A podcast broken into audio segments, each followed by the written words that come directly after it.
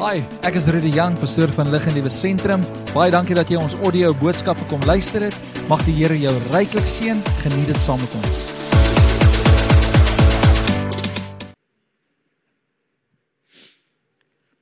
So ons is besig met ek is besig met 'n reeks die wat nou nie weet nie om te praat oor God se guns. Nou as ons praat oor God se guns, het ek laas by Ester gepraat. Ons gaan ons gaan nie vandag weer by Ester stil staan nie. Ek gaan vanmôre gaan ek in die boek uh die laaste boek in die Ou Testament gaan ek bietjie met julle tyd spandeer. Dit is darem nie so groot boek nie. Dit is net 4 hoofstukke. Maar ek wil vanmôre met julle praat oor God se guns. Nou, wie weet, ons kan nie sonder God se guns nie. Miskien net voor ek die woord gaan bedien. Kom ons bid net saam. Vader, eintlik Heilige Gees, ek het U nodig vanmôre. Heilige Gees, help, gebruik my, help my. Ek kan nie sonder U die woord bedien nie. Ek wil bid dat U die woorde in hierdie in hierdie boek sal lewend maak in elke mens se hart en binneste. En ons weet dat dat sonder U kan ons niks doen nie. En ons eer U vir U goedheid en U guns. Amen. OK, so ons het so 2, 3 weke terug het ek het ek bedien en ek gepraat van God se guns. Nou as jy akroniem guns vat, die G staan vir gewone mense. So wie gebruik God as hy bonatuurlik wil dinge doen? Gewone mense. So kwalifiseer jy gewone mense? Mense en pens. I and J. dis wie God gebruik, okay? So dis die, so dit is die ding. Iemand het eendag gesê ek sê te baie dit is die ding toe gee hulle vir my 'n boek, 'n hemp ene. Het my hemp gegee, iemand my hemp laat maak. Toe sê hulle nou hier staan man na God se hart, maar hier staan hier is die ding. so hier is die ding. so wanneer wanneer God ehm um, of hierdie gemeente wil sê ons het sy guns nodig. Die Gees staan vir gewone mense, die U staan vir mense wat uitroep. Wie jy nou hoe om na die Here uit te roep. Die N staan dis mense wat weet wat sien noodsaaklikheid daarvan om herdenking te hou of om om monumente op te rig van hoe God ons in die verlede gehelp het. Wie weet in die boek Ester was daar 'n fees wat die Jode tot vandag toe hou, noem dit die Purimfees. Want as as dit nie vir Ester was nie, was daar nie 'n Joodse volk nie. Besef julle, die hele die hele volk, die hele volk Joodse volk sou nie bestaan het nie.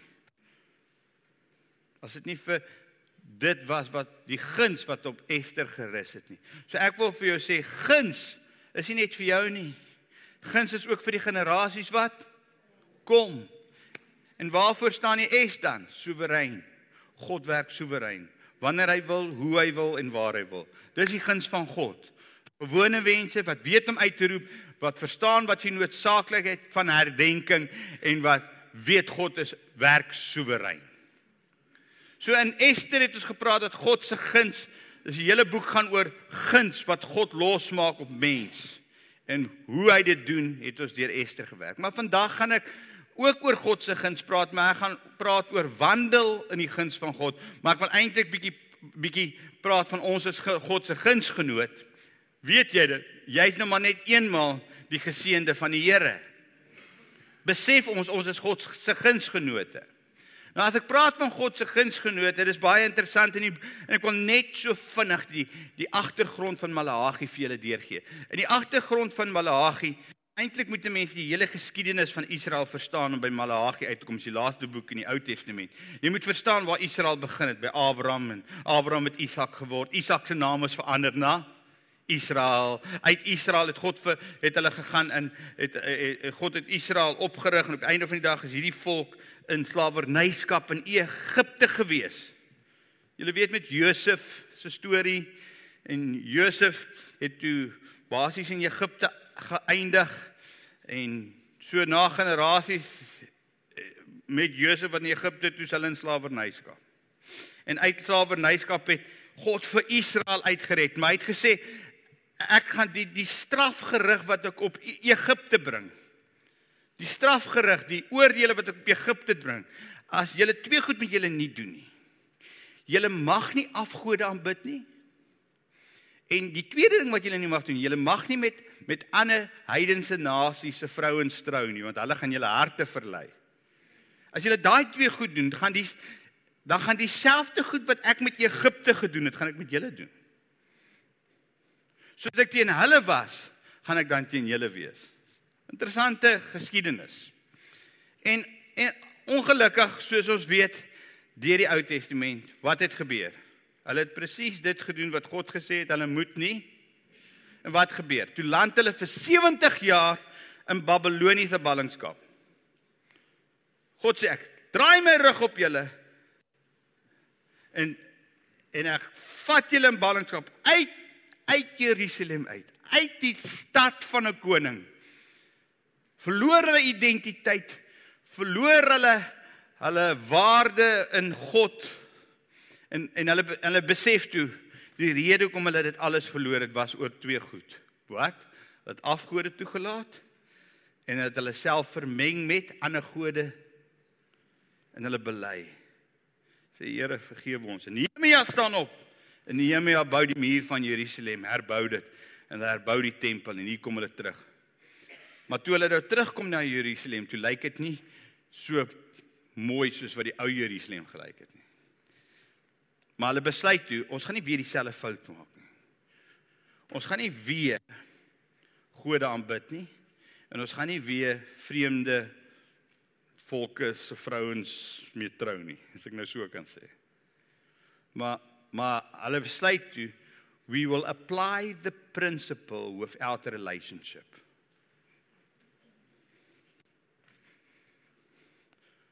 You can apply the principle of the Bible and have the blessing of that without a relationship. So hier is sleutel. If you want I want presence, principle and presence. I don't just want principle. Jy kan sekere beginsels uit die woord uit toepas en wie weet, jy gaan die voordeel daarvoor kry. Maar jy hoef nie 'n verhouding met God te hê om die om die om die om die beginsel toe te pas nie.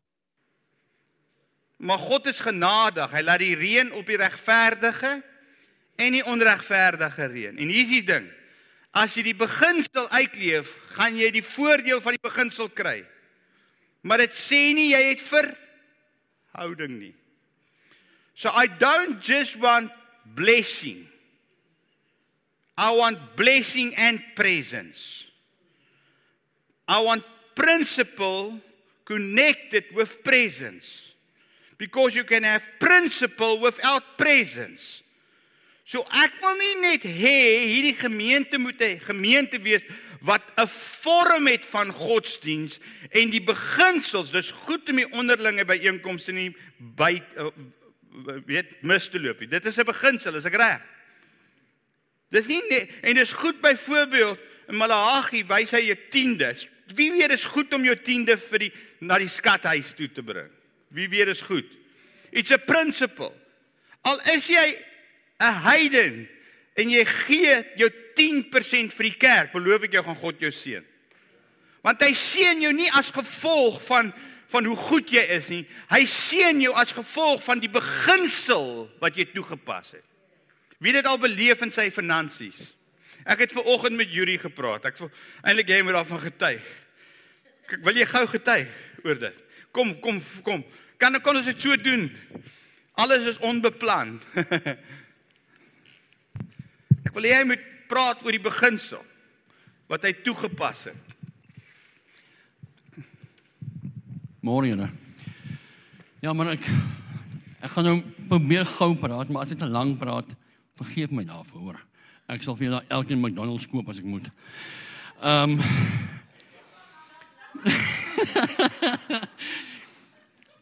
So tyd terug het Rudy en Monne gepreek oor tiende. Nou Yuri is een wat altyd gedink het, okay, ehm um, ek moet die kar betaal, ek moet die huis betaal, ek moet geld hê vir groceries. En ek gaan nou maar gaan heel vergeef my daarvoor. Here is goed. En my trane vlak is baie laag. En uh so kom ek in Jolyn hier en Sondag na kerk by huis. En gaan sit. Nou mense, as ek julle moet vertel waar ons vandaan kom, tot nou toe dan gaan ek letterlik heel Sondag praat. So ek gaan vandag ek gaan net van daai Sondag af praat. Ek gaan sit langs my vrou en traan mag loop en sê ek is jammer. Ek betaal nie ons tiende nie. So as ek nie tiende betaal nie, kom nie blessing van die Here af nie deur my na haar en na my kind toe nie.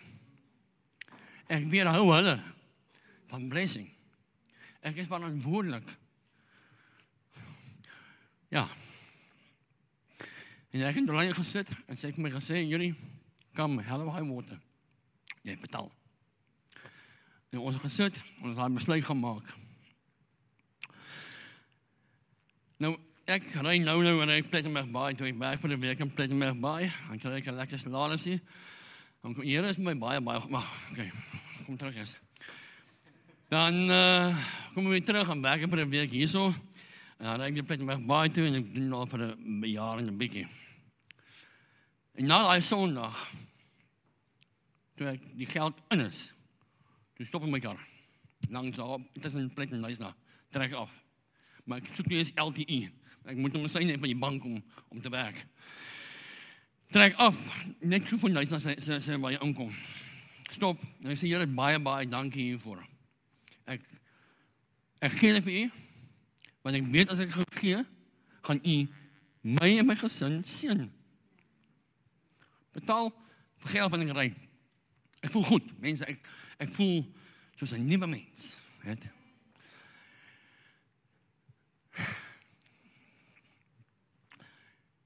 Kan ek julle vertel, nee? Hoe goed die Here is. Mense, nee, hy is hy is so lewendig as ek nie staan. Beloof my julle. As ek enige sent van inkry en ek betaal dit, die volgende dag of die dag daarna bel iemand met julle, ek soek 'n plan. Julle ek soek dit. En nou ek teken huisplanne op, op bouplanne uh vir 'n vir 'n lewe. En dit gaan goed. Maar jy betaal, betaal nie daai bidkar nie. Plek my baie betaal die bidkar. Ehm um, en dan doen ek dakinspeksies, want ek doen al dakke vir 32 jaar. Want ek dakke ontwerp, dakke opsit, dakke inspekteer, sertifikaat gee deur 'n ingenieur. Wow, wow, wow. So kry ek 'n uh, oproep voor laasweek, né? Ja. 'n Hotelgroep. Hulle wil sonpanele op hulle dakke sit. En hulle wil weet jullie kan jy vir ons inspeksie doen en vir ons porteer. Ek sê ja. Anytime. Ek sê hoekom wat jy daaraan dink? Hy sê nee, hulle pak slag gekry, maar hulle het laas jaar 25 dakke gedoen en die 25 dakke het hulle 'n bietjie so gemaak. Obviously, maar dit is ekstra gewig op die dak. En hulle hulle baie geld gekos vir die reparasies. Nou sorry, ek, ek, ek moet julle vertel mense. En so sê ek is reg, dan doen ek kwotasie, ek bel vir frame ingenieurs, ek sê luister om hulle saam ingaan. Dian sê, "Yes, Julie, asseblief." Gaan sien van Dian kom terug. Wa wa wa. Sê sê kwotasie in Woensdag. Nou vir my is. Toe kry ek die bestelling. Mense, né? Om John hy is nie goed nie. Hy is uitmuntend. Regtig maar, né? Nou kom jy en dan kom er nog plan ook nog in. Ja, en ons is my vrou, hy pragtige ding maar as dit vroeër gesê het. Nee, maar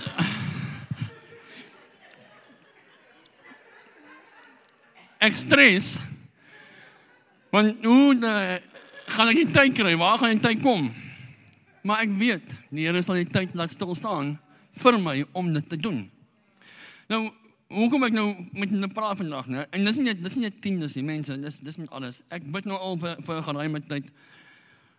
Hulle sê jou grootste begeerte wat jy moet hê, is the gift of prophecy. Ek soek gift. I want the gift of healing. And I want to be able to go out and find the lost and bring them in here. Want ons moet mense, dit is ons plig. Ek kan nie hier kom sit op my agterend en luister na 'n preek en nie uit gaan my werkloop doen nie. Nie as die Here my so seën nie.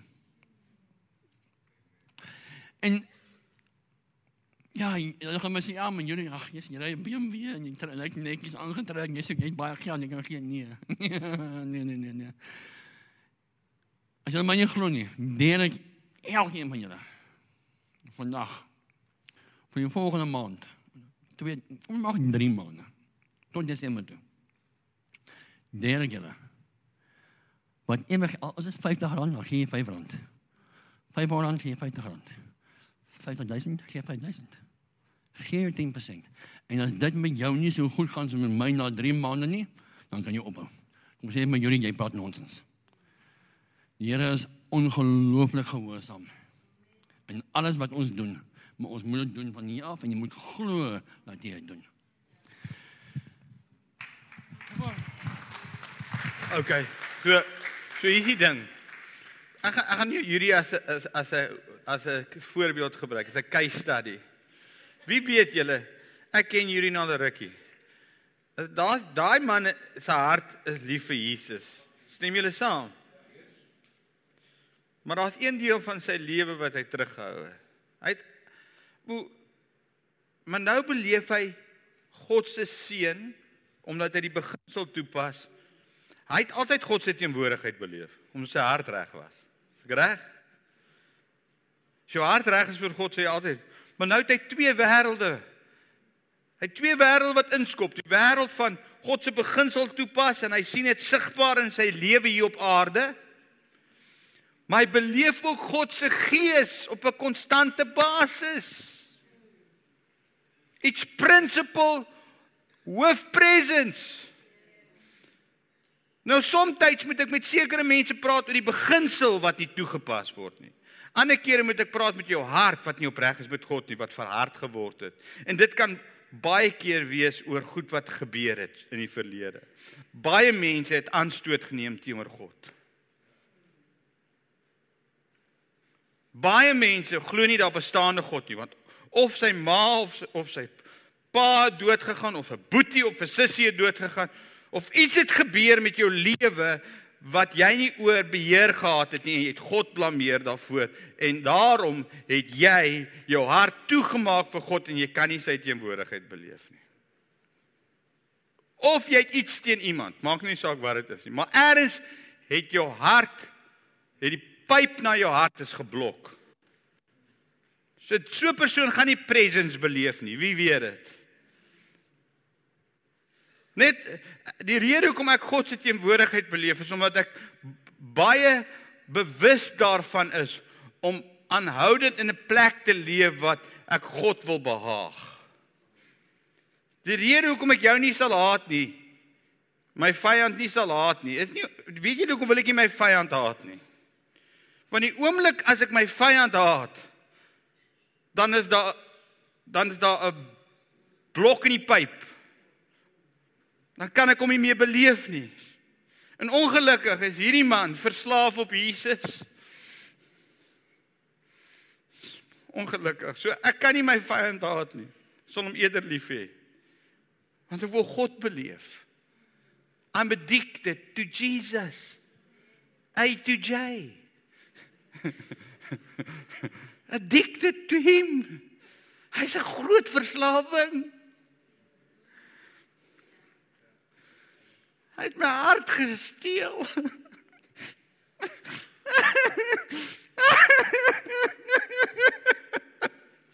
Hy het alles gesteel. Hy het alles. En ek wens ek kan die jonger generasie ruk en hulle sê hy Hou op leef vir roem en vir Facebook en vir likes.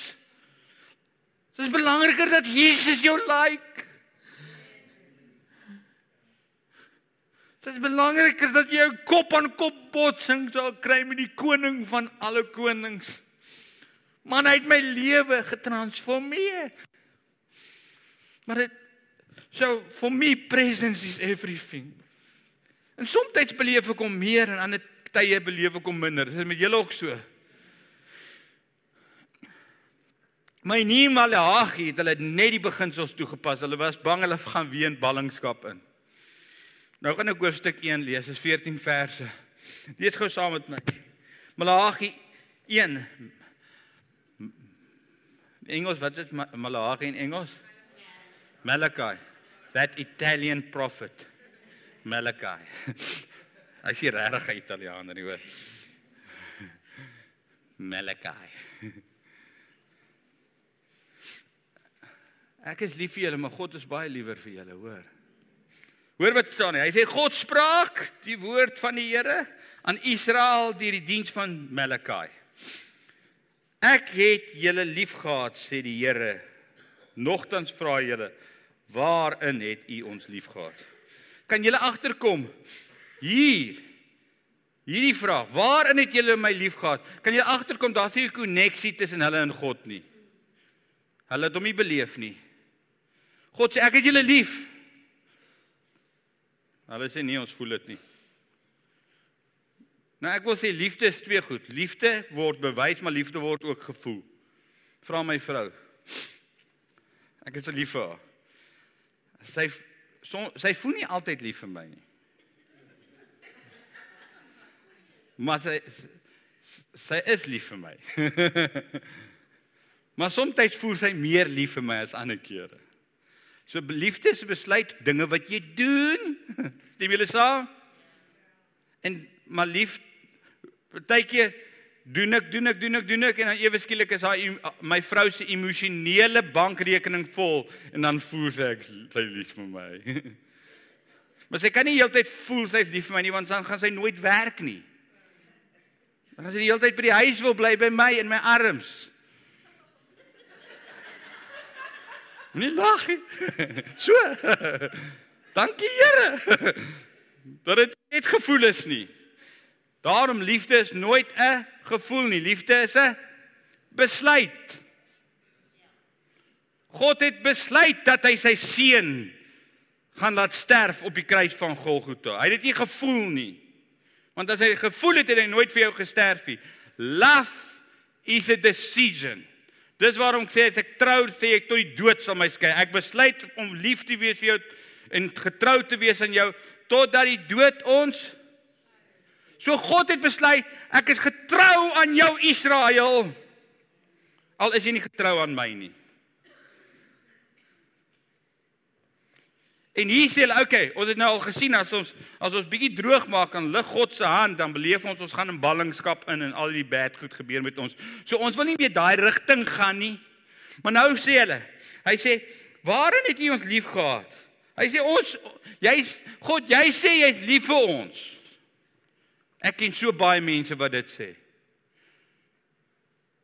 Ek ken so baie mense wat sê, "Maar God is jy sê jy's 'n God van liefde." Hoekom laat jy al hierdie goed toe? Kan jy hoor waar's hulle? Is hulle in 'n plek van verhouding? Is hulle in 'n plek waar hulle hom beleef?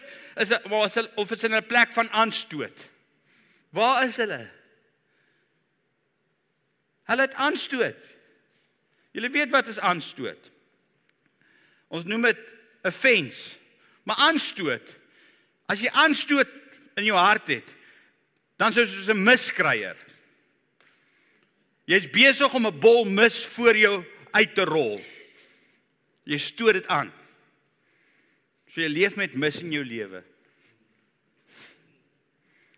Dis 'n bol mis. Hulle het 'n aanstoot gehad teenoor God. Nou kyk wat sê hy hierso. Dis baie mooi.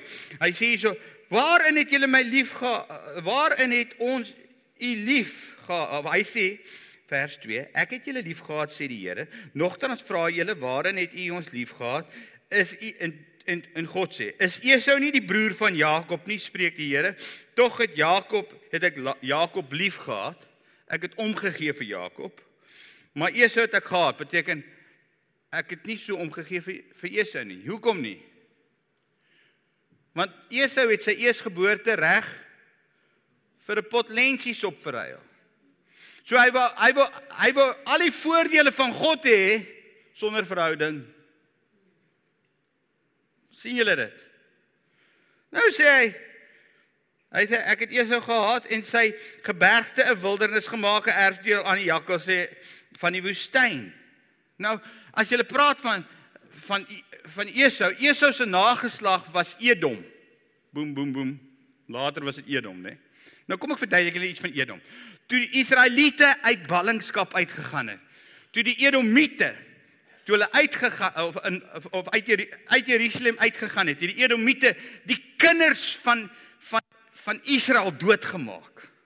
Hulle het hulle teen die mure van die stad, hulle het gruwel goed aan die kinders van Israel gedoen. So die Is Israel, God se volk, het 'n haat teenoor teenoor Edom gehad. Hy gesê God sorteer vir Edom uit. Sorteer die duiwel uit. Wie het al gesê sorteer die duiwel uit? Want Edom is 'n tipe van die duiwel hierso. Die duiwel het het die Israeliete se kinders doodgemaak op gruwelooslike maniere toe hulle uit uit uit uit in ballingskap ingaan. En toe bid hulle sê, "Maar God wees regverdig." Nou net om dit te, te, te laat lees. Kom ons gaan kyk daar in Psalm. Ek gaan nou terug Psalm 100 ek dink is 134 37. Kyk, 100 daai daai daai vers, nê? Daai vers. Hy praat, hulle praat van in daai vers, praat hulle in Miskien moet ek nie die hele lees. Kom ons lees die hele een. Psalm Kom ons gaan gou na Psalm 137 toe. Onthou nou gaan hulle uit ballingskap. Hulle gaan hulle gaan in ballingskap in. Hulle gaan uit Jerusalem uit. Hulle gaan vir 70 jaar in ballingskap in. Hoekom? Want hulle het afgode aanbid en hulle het ander anders heidenvolke se vrouens gevat vir hulle self. En God het altyd verbied en daarom is hulle nou in ballingskap in. Maar nou dat hulle in ballingskap gaan, hulle kry nou die loon vir dit wat hulle gedoen het. Sê hulle ons kan nou nie mooi liedjies meer sing nie. Ons ons is nou ons ons is nou tussen die vloer en die politoer. Wie was al daar? Dit voel of God teen jou gedraai het. Dis nou waar hulle is. En nou Dis waar Psalms 137 geskryf het. Kom ek lees dit vir jou. By die riviere van Babel, want hulle het Babel toe gegaan. Daar het ons gesit, ook geween as ons aan Sion dink. As ons terugdink aan Jerusalem, waar ons vandaan gekom het, toe ons nie in ballingskap was nie, begin ons te huil. Uh, hoekom? Want ons het droog gemaak. nou hoor wat sê hy want want daar het want daar het hulle wat ons as gevangenes weggevoer het van ons die woorde van die lied gevra en hulle wat ons verdruk het vreugde deed het sê sing vir ons. Julle ken mos as dit Bonnie M wat gesing het at the rivers of Babylon. Wie kyk wie op in Kersfees en hoor ons dit mos altyd. Nee nee nee. Ek kan nie môre. Okay. So jy het hom. So nou sê hulle ons kan nie 'n vreugdelied sing by die riviere van Babylon nie. Hulle sê, "Hoe sou ons die lied van die Here kan sing in 'n vreemde land? As ek jou vergeet o Jerusalem, laat my regterhand dan homself vergeet. Laat my tong kleef aan my verhemelte as ek aan jou dink nie. En as ek julle Jerusalem nie verhef bo my hoogtes vreugde nie. Nou sê hy sê ek kan nie sing nie. My tong moet eerder teen my verhemelte vaskleef. Nou hoor wat sê vers 7. En vers 7 sê: Here, bring in herinnering vir die kinders van Edom. Esau se nageslag, Edom. Wat? Wat hulle aan ons gedoen het toe ons uit ballingskap uitgegaan het. Wat wat wat, wat vra hulle? Here laat geregtigheid geskied. God sorteer vir Edom uit. Het jy al gebid, Here sorteer die duiwel uit? Nou kyk wat sê hy. Ons kan nie ons kan nie 'n vreugdelied sing nie, want as ons ons na ons lewe kyk, is nie 'n goeie plek nie. Is nie God se guns nie. Ons beleef nie God se guns nie. Ons is in hy sê as dit die kinders van Edom die dag van Jerusalem, hulle wat gesê het, breek weg, breek weg tot op die grond met hom. So Hy sê ons gaan nie sing van God se vreugde voordat ons nie sien dat God 'n deurbraak gee nie. Wie was al daar? Nou Malagi Nou Malagi as ons kyk dan praat hy van maar vers 3, ek gaan weer terug vers 3. Gaan weer terug waar ek nou nou was. As Edom sê ons is wel verwoes, maar ons sal pynhope weer opbou. Dan sê die Here vers 4 van die leerskare. Dis Malagi 1 vers 4. Laat hulle bou, ek breek dit tog af. En die mense sal hulle noem grondgebied van goddeloosheid, die volk waarop die Here vertorend is tot in ewigheid. So wat sê in daai vers? Hy sê man al wil Edom iets oprig, hy gaan dit nie regkry nie. Hoekom? Want God is teen Edom. Wie weet God is teen die duiwel? Ons het dit nou nou gesing, daar een liedjie het God is vir ons. Hy's aan ons kant. Hy's nie aan die duiwel se kant nie. Ek wil dit vir julle sê. Hy's teen Edom. Hy sê alles no weapon formed against us sal niks geen wapen wat die vyand teen ons smee sal voorspoedig wees nie. Sê die Bybel dit. Sê ek wat dit sê nie. So sy planne weet ons gaan nie tot volvoering kan kom nie. Nou sê, julle weet wat ek met Edom gedoen het. Julle weet volk van die Here, julle weet hoe ek met Edom gewerk het. Hoekom sê julle dan ek is lief vir julle nie? Hoe kan jy sê ek is lief vir jou nie? Kyk wat ek vir jou gedoen het met Edom. Weet julle wat se probleem met baie kinders van die Here? Kan ek vir julle sê? Hulle ge, hulle hulle ly aan amnesia, vergeetachtigheid. Hulle het vergeet wat God vir hulle gedoen het. Hy sê, "Hoe kan julle sê ek is lief vir julle nie?" Sê die probleem is eintlik dit. Kom ons lees aan in daai vers, vers 5. Hy sê dis nie die probleem nie. Die probleem is nie die probleem is die volgende. Daar's 'n probleem met julle hart.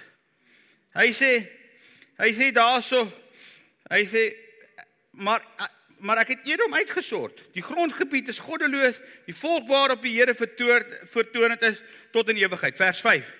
En julle oë sal dit aanskou en julle sal sê groot is die Here oor die gebied van Israel. Nou sê vers 6. Nou vra God. Julle het dit gesien. Nou vra God vir hulle. 'n Seun eer die Vader en 'n knegg sy Heer. Hy sê julle weet om die beginsel toe te pas. Die beginsel van eer jou vader en jou moeder en jou dae sal verleng word. Julle verstaan daai konsep? Julle verstaan ook die konsep van in jou werk om jou om jou Heer as 'n knegg te eer. Jy weet hoe om in jou werk so in jou familieomgewing weet jy hoe om die familie beginsels toe te pas. In jou werkomgewing weet jy hoe om God se werksbeginsels toe te pas. So as gevolg van dat jy daai twee wêrelde mekaar reg doen, daarom beleef jy voorspoed. Want onthou wat ek nou nou gesê het, if you apply the principle, it will it will bring benefit. Ek reg? So hy, hy het geweet hoe hoe om jou 'n seun met sy vader eer. Hulle geweet hoe lyk eer in 'n familiestruktuur. So hulle het waarde geheg aan familie en hulle het waarde geheg hoe om te werk. Jy moet eer bring aan jou werkgewer. Jy weet om daai goed te doen. Jy's getrou, jy's op tyd om te gaan werk. Jy doen al die regte goed. En as gevolg van twee daai twee wêrelde, wêrelde waar jy die beginsels in plek hou, daarom beleef jy seën. Maar nou sê hy, ek het een probleem met jou. Hy sê die volk waarop die Here nou praat hy van hierdie hele ding. Hy sê en die knegg sy Heer, as ek dan 'n vader is, Hy sê julle weet om aan dat julle aardse vader eer te bring en julle weet om aan julle aardse werkgewers eer te bring. Maar as ek dan jou vader is, waar is my eer? En as ek 'n Heer is, waar is die vrees vir my? Sê die Here vir die leerskare aan julle o priesters wat my naam verag. Hy sê: "Hey, Boeta, Julle beleef blessings op aarde, maar julle bring geen eer aan my nie. Waar's ek in julle? Waar's ek in hierdie? So they experience prosperity without presence. Nou ek wil amper sê, is beter om presence te beleef sonder prosperity, maar die beste is om albei te beleef. Stem julle saam? Omdat omdat julle sekere waardesisteme van hoe 'n huishouding werk in plek het en omdat julle weet hoe om julle werk reg te bestuur. Hoe om diensknegt as 'n diensknegt teenoor 'n heer reg te operate. Daarom beleef julle seën.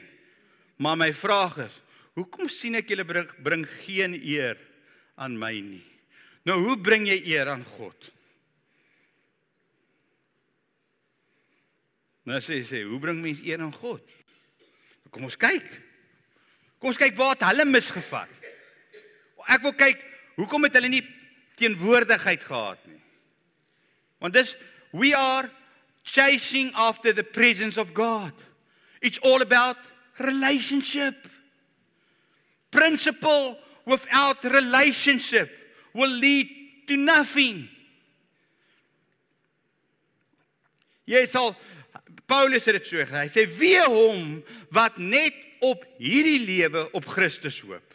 Hy is die mees miserabelste mens van alle mense.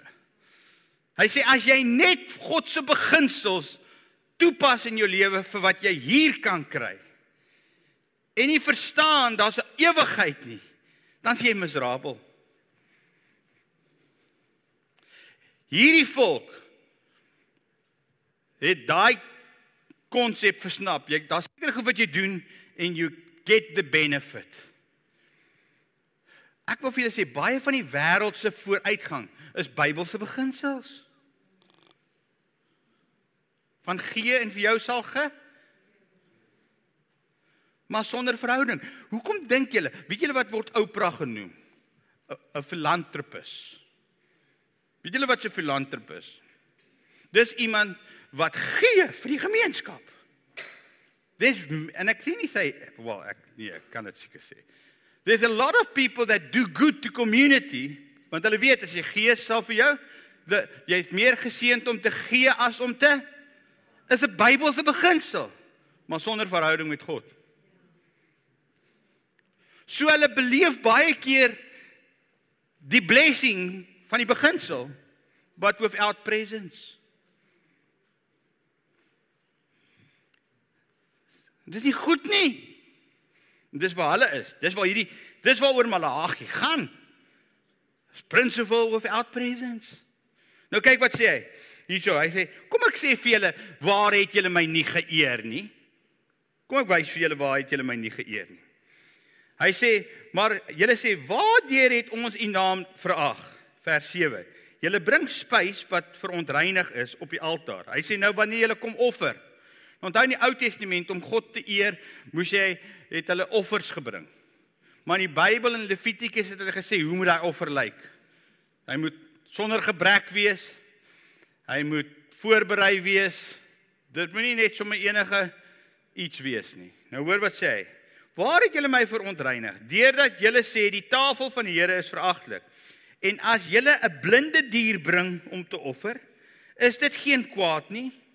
En as julle 'n lam of siek dier bring, is dit geen kwaad nie.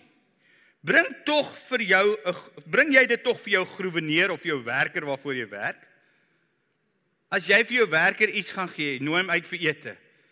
Gaan vir gaan jy vir hom ou gister se chips by Kentucky gee met hoender wat 2 weke oud is waaraan hy kan siek word of gaan jy vir hom vars kos gee?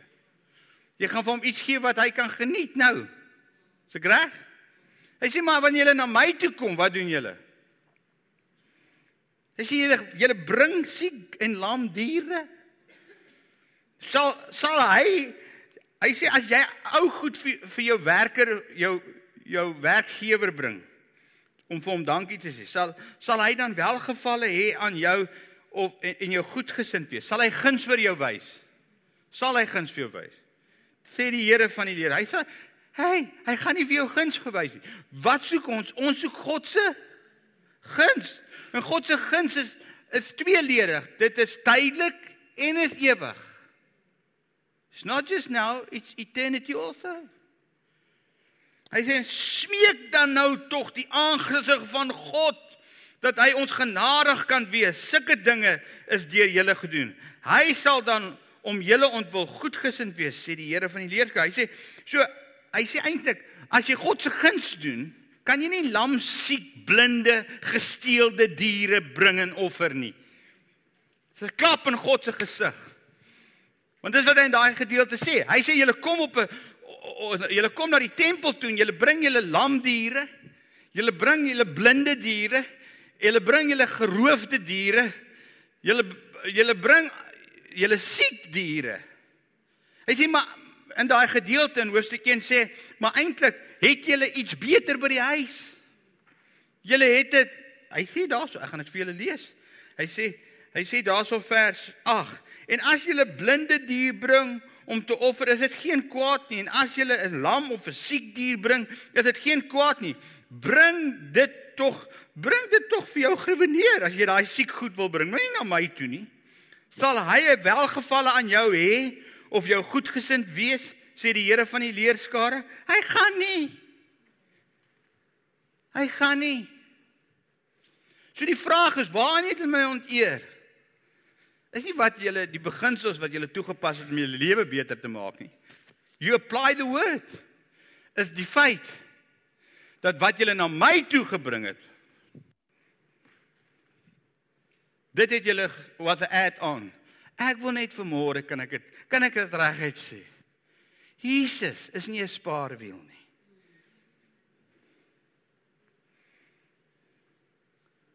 Jou spaarwiel in nood as jy 'n flat tire het. En Martin wat hy sê verstaan flat tires. Hy is baie mense se spaarwiel. Hy gaan help hulle uit die nood. Maar Jesus wil nie jou spaarwiel wees nie. Hy wil jou lewe wees.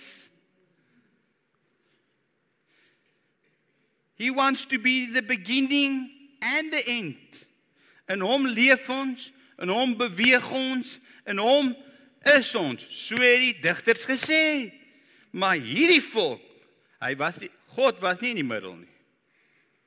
Jesus het goed gegaan in hulle familie. Jesus het dit goed gegaan by die werk. Maar raai wat? In hulle verhouding met God. Boeta pap het op die grond geval. Hulle het hulle lam, blinde, siek, gesteelde diere gebring na God toe.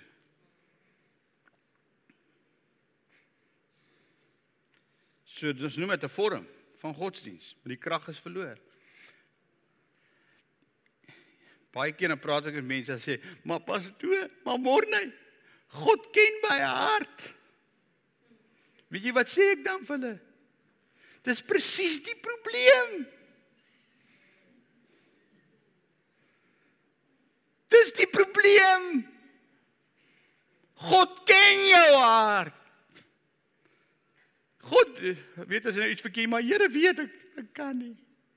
Was Ja, jy's reg, God ken jou hart.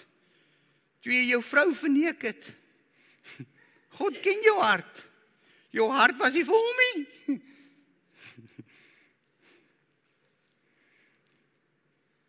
Die Here weet ek was swak.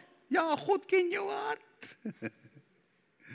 Hy vergewe jou as jy hom vra daarna, maar hy ken jou hart. Hy ken jou hart. Jy kan niks vir hom wegsteek nie. En God ken die volk van die Here se hart. Hy weet.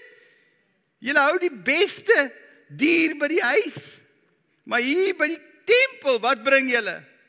Blindes, siekes, verlamdes en gesteeldes. Hy sê daarin eer julle my nie. So we want revival. This church wants revival. Ek wil vir julle sê as hierdie kerk herlewing soek, gaan julle nie blindes, verlamdes, siekes of gesteeldes aanbring nie. Hier is die vraag. Wat moet ons bring? Kan ek vir julle sê wat moet ons bring? Wie wil weet wat ons moet bring? Romeine 12:2. Wat sê Romeine 12? Stel julle liggame aan God 'n lewendige aan God 'n welgevallige offer. Dit is julle redelike godsdiens. Wat is wat moet ons bring? Stel julle liggame. Wat moet jy eers in rad bring? Jou liggaam. Hierdie liggaam wil nie hierdie liggaam wil blindes, hierdie liggaam, hierdie vleiskas wil blinde offers vir God bring, wil gesteelde offers vir God bring, wil verlamde offers vir God bring, wil ber, wil ehm um, siek offers vir God bring. Hierdie hierdie hierdie liggaam wil nie die beste vir God bring nie. Wat's die beste? Die beste van jou tyd, die beste van jou geld en die beste van jou energie. Wat is die beste? Die eerste. We don't want to do that. And because we don't want to do that, we will still have blessing. God will not lift his blessing, but you will not experience presence. Who wants more of the presence of God? If you want more of the presence of God, then God must be first.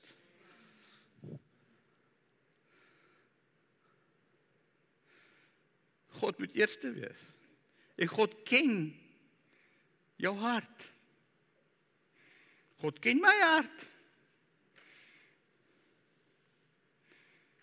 Hy weet. Somstyds bring ek ook 'n ou blinde diertjie vir hom. En hoop hy sal dit aansien. Ag Here, U ken my hart. Hierdie ou blinde diertjie is al wat ek het. Regtig?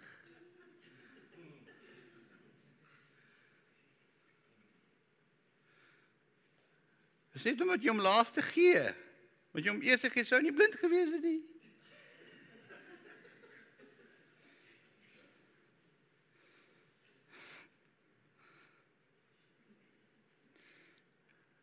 Die rede kom ek sê is ek was ook al daar. Yuri, ons almal was daar. En ek praat nie net van geld nie. Ek praat van jou lewe. Wat sê hy in Romeine 12? Kom ons lees dit Romeine 12:2. Gaan bietjie aan. Oei oei oei. Kyk, kom ons gaan aan nog die volgende een. Kan hy gaan? Kan hy aangaan? Kyk, blinde diere gaan nog aan. Ons gaan nou by die laaste ene.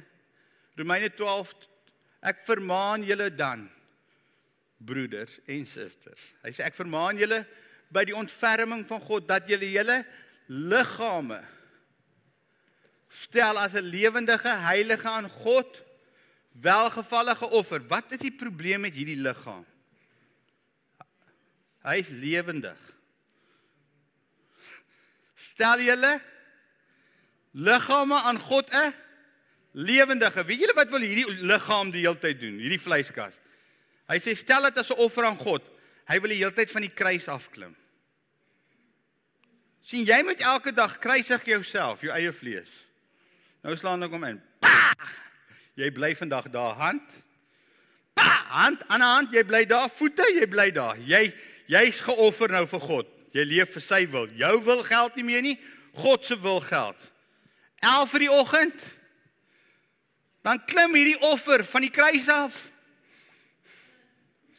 Dan hardloop hy spring lewendig rond in die in die parel. En dan wil hierdie liggaam net sonde doen. Alles behalwe God eer. En dan raak hierdie offer ewe skielik blind. Dan raak hierdie ewe hierdie offer ewe skielik lam. Dan raak hierdie offer ewe skielik siek. En as ek nog bietjie verder gaan en raak hy sommer gesteel ook. Dan sy waardes daarmee heen. Dan's bedrog ook nie meer 'n probleem nie. Klim van die kruis af. Maar God sê stel julle liggame aan God 'n lewendige, aan God 'n welgevallige offer. Wat sê die Bybel? That is average Christianity. Dit is julle redelike What's average Christianity? Average. Dis net average. Beteken daar's nog 'n hoër vlak. Average is ek het by 'n plek gekom waar ek my newe neerlê vir God. Wie wil sy lewe neerlê vir God?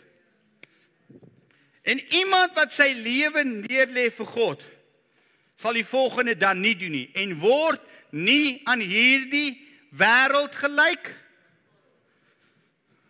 maar word vernuwe deur die vernuwing van julle gedagtes. Maar jy kan jou gedagtes nie vernuwe as jy nie nog 'n plek is waar jy op die kruis wil klim nie. Here verander my gedagtes, ek wil anders dink. Ja, maar klim eers op die kruis.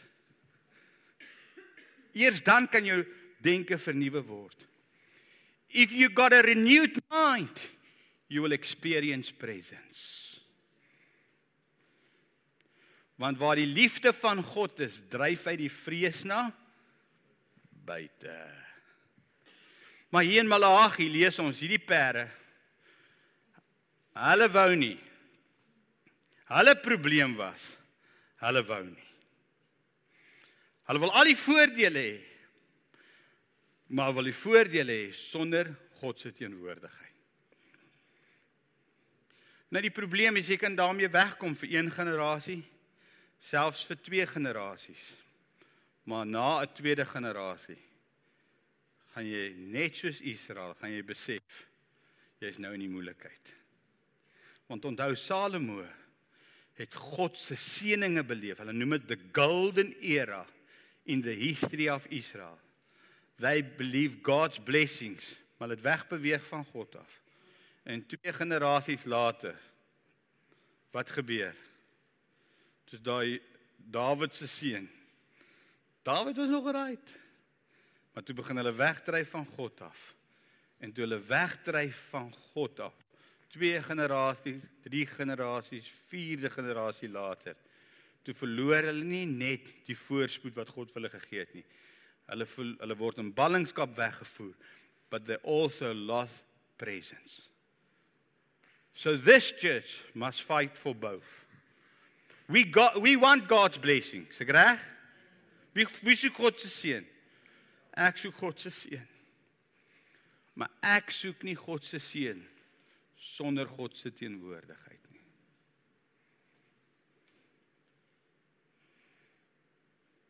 Maak dit sin?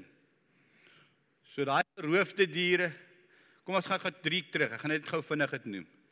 Die siek diere, nog een terug. Jammer. Okay, die blinde diere. Dis mense wat nie meer begeerte het vir openbaringskennis nie. Hulle het verloor.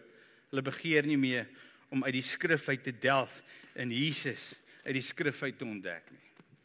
Nommer 2. Lamdiere. Dit dis mense wat lewe in bewuslike sonde en dink hulle gaan daarmee wegkom. Jy gaan miskien, maar eers gaan dit jou inhaal. OK. Nommer 3. Siek diere. Dis halwe oorgawe. En nommer 4 geroofde diere gebruik verskonings. Ek wil nie daai offers na God toe bring nie. Hy sê iemand wat daai offers na God toe bring, gaan gou weer terug op op op op op op. Daarso.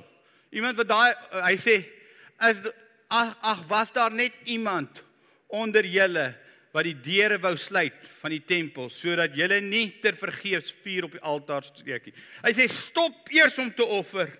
Stop eers, stop alles, stop, stoppie. Stoppie, wat s'hulle stoppie? Stoppie lorry. Kom ons werk eers, kom ons sê eers, Here, we want to serve you with all of our heart. Dis waar ons is. Lord, we want presence. Yes, we ons soek God se hand ook. Ek soek God se hand. Maar ek soek nie net God se hand nie. Ek goed soek eers die, hart van God. Want die hand van God en die hart van God as dit aan as daai twee saamwerk, dan gaan die hand van God jou nie vernietig nie bedoeling God's blessing can kill you. Can you stand to be blessed? Kan jy met dieselfde afhanklikheid bid teenoor God en toewyding, die Here vertrou as jy 5 miljoen rand in jou bank het as wat jy 5 sent in jou bank het. As jy kan vandag sê ja, ek kan, dan sal die seëninge van die Here jou nie doodmaak nie. Maar die meeste mense as hy 5 miljoen in sy bank het, wat gebeur? Hy vergeet van God.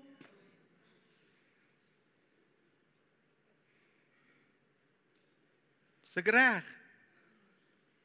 Inteendeel, as jy 5 miljoen in jou bank het, moet jy meer afhanklik wees. Moet jy sê Here, ek het meer om oor verantwoordelik te wees teenoor U en teenoor my medemens.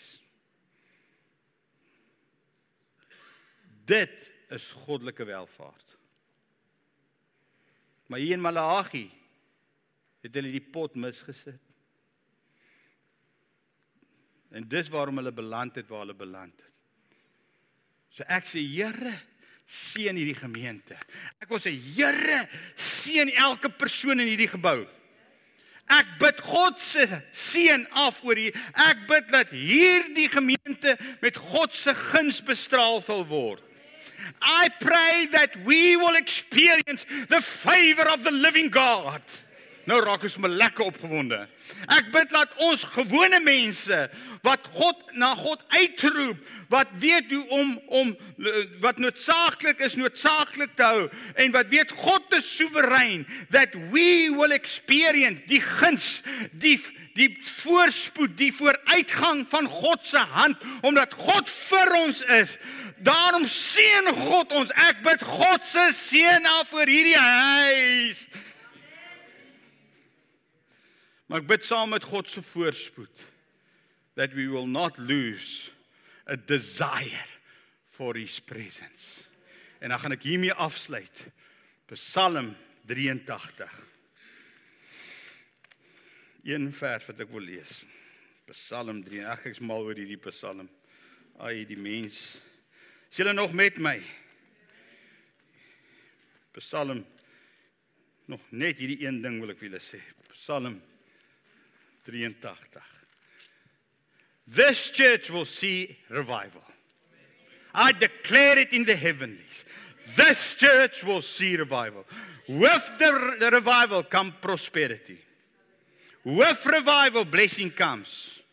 But we will not when blessing come. Wanneer voorspoed kom, sal ons nie begin skeef dink nie. Die Here weet ons sal na aan hom bly. Miskien is dit meer 'n waarskuwing. maar hoor hierso. Ag, is my so mooi. Hy sê vers Psalm 84 en hy gesê 83, 84, jammer. Vir die musiekleier van die getiet Ek weet nie hoe die getiet musiek gelei nie. Ek weet nie of hy met 'n klavier of met 'n harp of wat was nie, maar blykbaar was hy baie musikaal. Eh, van die kinders van Korag, 'n Psalm. Hoe lieflik is u woninge o Here van die leerskare. My siel verlang ja smag na die voorhoewe van die Here. My hart en my vrees jubel uit tot die lewende God. Selfs vind die mos en gaan hy so aan en hy gaan so aan. Hy sê vers 11, want 'n dag in die voorhoewe is beter as 'n duisend. Ek wil liewer by die drempel staan in die huis van God as om te woon in die tente van die goddelose. Kan ek net vers 11 weer lees? Want 'n dag in die voorhoewe in sy teenwoordigheid is beter as 1000 jaar op Mauritius se eilande. Met 'n pineappel met 'n strooitjie in sy hand. Hy sê eendag in die teenwoordigheid van die Here is beter as 1000 jaar in 'n 5-ster hotel in Mauritius.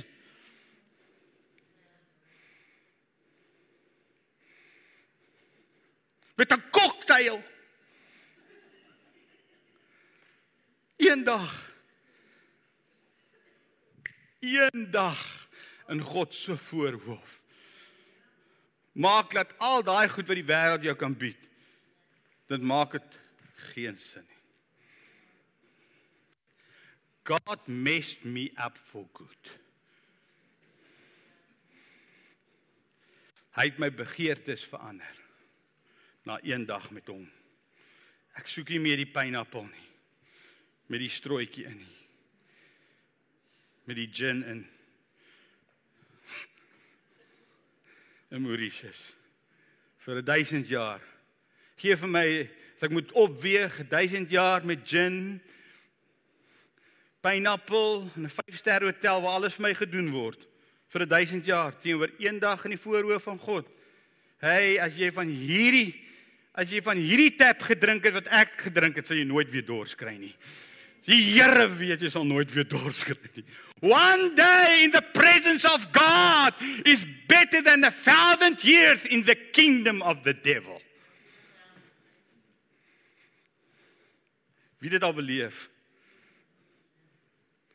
Die wat dit nog nie beleef het nie, bly soek. Jy gaan dit vind. Kom ons bid staan. Thank you Lord. Halleluja. Kom daar waar jy staan, begin die Here te aanbid. Begin hom aan te roep. Wag vir my nie. Halleluja. Dankie Nanda.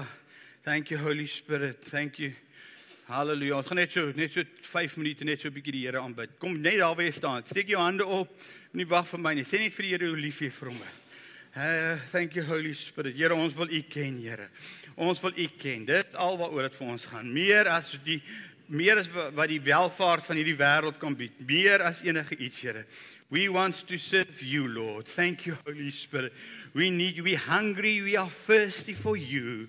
We are it's all about you, Jesus. We want to call the name of Jesus. Here, ons wil U aanroep vanaand, Here. En dis waaroor vanoggend gaan, Jesus gaan nie oor my nie, gaan nie oor ons nie, dit gaan eers oor U. Dankie dat U ons liefgehad het. Dankie dat U wil hê, Here, dat dit met ons moet goed gaan. Here, en ek wil bid as daar iemand in hierdie gebou is vir oggend wat met bekommernisse ingekom het, wat met vrae ingekom het, wat met sekere gedagtes ingekom het en nie weet hoe om verder te gaan nie. Hier's van julle vanmôre wat 'n besluit moet neem vir die Here. Jy moet vanaand besluit, Here, ek gaan U volg met my hele hart. Jy moet ver oggend sê, Here, ek gaan my en my huisgesin, my en my vrou of my en my verloofde of my en my meisie of my of my of my wie ook al ek ons ons gaan die Here dien ons gaan die regte ding doen en die regte ding is om U te volg Here Here en ons wil U met ons hele hart volg and I want to pray Lord that you will pour out your spirit upon your people Lord I want to pray Lord that you will touch your people with your presence Lord that your presence will be part of our life Lord laat U teenwoordigheid deel sal wees van ons lewe Here ons wil die wêreldse dinge afskud. Ek wil hê jy moet hom daai goed afskud vanmôre. Skud dit af, skud dit af, skud dit af, skud dit af. Sê Here, ons wil U ken. Met alles wat in ons is, wil ons U ken, Here.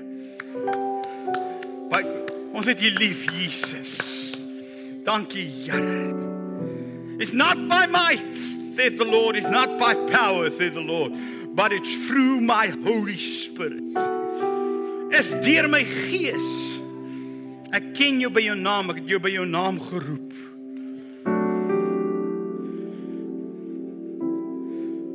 Heilige Gees. Die Here sê iemand in hierdie gebou vanmôre wat jy die Here vertrek vir 'n sekere van transaksie. En die transaksie het skeef geloop. Jy het geld in daai transaksie belê en die Here die Here voel jy het nie vir jou deur gekom nie. The Lord say let that offense go. Laat hy aanstoot gaan. Want daai aanstoot hou jou gevange. Want jy het 'n sekere verwagting gehad hoe die Here vir jou deur moes kom en hy het nie op die manier deurgekom wat jy verlang het nie. But today the Lord say let it go. Laat daai aanstoot gaan. Want daai aanstoot veroorsaak dat jy vanmôre nie die Here kan aanroep nie. En God sê, hy's getrou. Hy sal dit wat daar in daai transaksie gesteel is, gaan hy vir jou teruggee. Hy gaan dit herstel. Maar eers gaan jy moet terugkom na hom toe. Eers gaan jy weer jou hart moet oopmaak vir die Here en jy gaan jou lewe weer moet oopstel vir sy Heilige Gees. Dankie vir daai woord. Here, ek weet dit spesifiek vir iemand. Here, en ek bid dat daai persoon vanmôre sal sê ja op dit wat die Heilige Gees sê. It's not by might, it's not by power, but through my spirit says Lord. Hier iemand in hierdie gebou wat van volgende sê jou ma het dood gegaan so 'n paar jaar gelede. Nie baie lank terug nie. 2 jaar, 3 jaar terug, nie baie lank terug nie. Maar toe jou ma dood gegaan het, het jy gevoel 'n deel van jou lewe is van jou af losgeruk.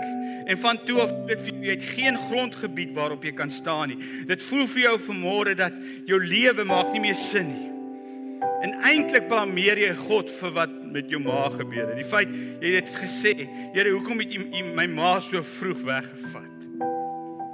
Die Here sê vir jou vanmôre dat kom na my toe. Ek sal vir jou rus gee. Dit. Jy wat vanmôre met daai aanstoot in jou hart teenoor God sit. God sê bring dit na my toe. Ek 'n God van liefde. Ek wil jou verhouding met my herstel, sê die Here. Lord, I pray that there will be a revival in the hearts of people. Is iemand in hierdie gebou wat die wat die wat jaag na goud? Jy sê ek soek ek soek geld. Jy het in jou hart gesê ek ek wil 'n miljonair word by die ouderdom van jy het 'n jy het 'n dag gegee vir die Here. Gesê Here, ek wil so oud wees, dan wil ek 'n multimiljonair wees. Ek wil die volgende Elon Musk wees. Maar die Here sê vir jou daai droom is nie van by af nie. Daai droom is nie gebore uit my hart nie. En die Here sê, jy weet is nie uit my hart nie. Jy weet jou ma en jou pa het jou nie so groot gemaak nie. En die Here sê volgende tyd dat jy jou sal bekeer. Jy moet jou bekeer van daai weë want die Here sê ek soek jou hart, ek soek jou lewe.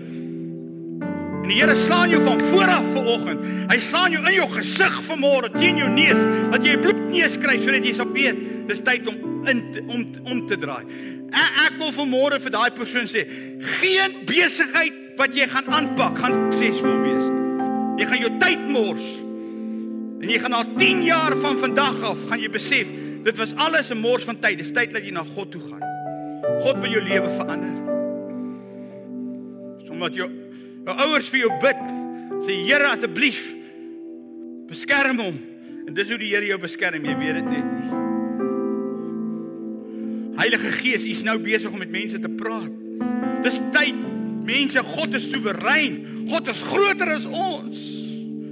En hy wil met sy kinders vanmôre praat. Here, so ek bid vanmôre. Heilige Gees, dat ons die die bande van liefde, U trek ons met bande van liefde.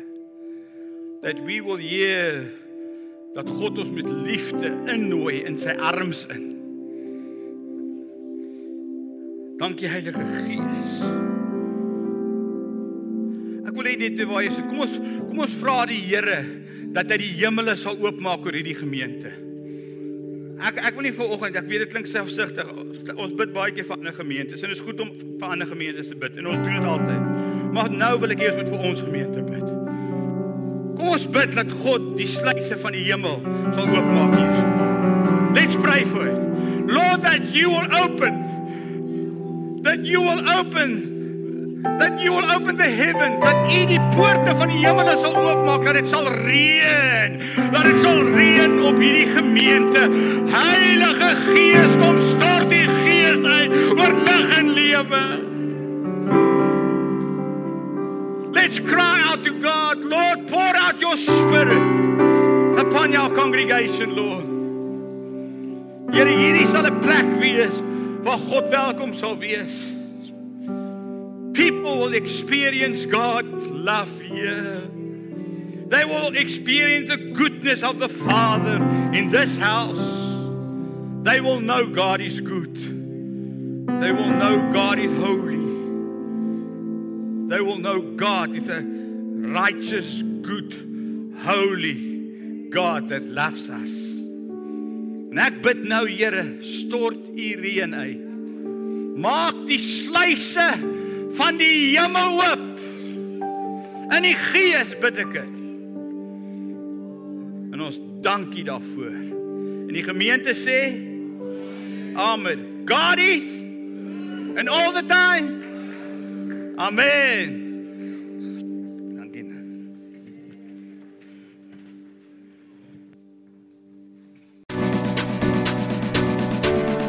Baie dankie dat jy ons audio boodskap geluister het.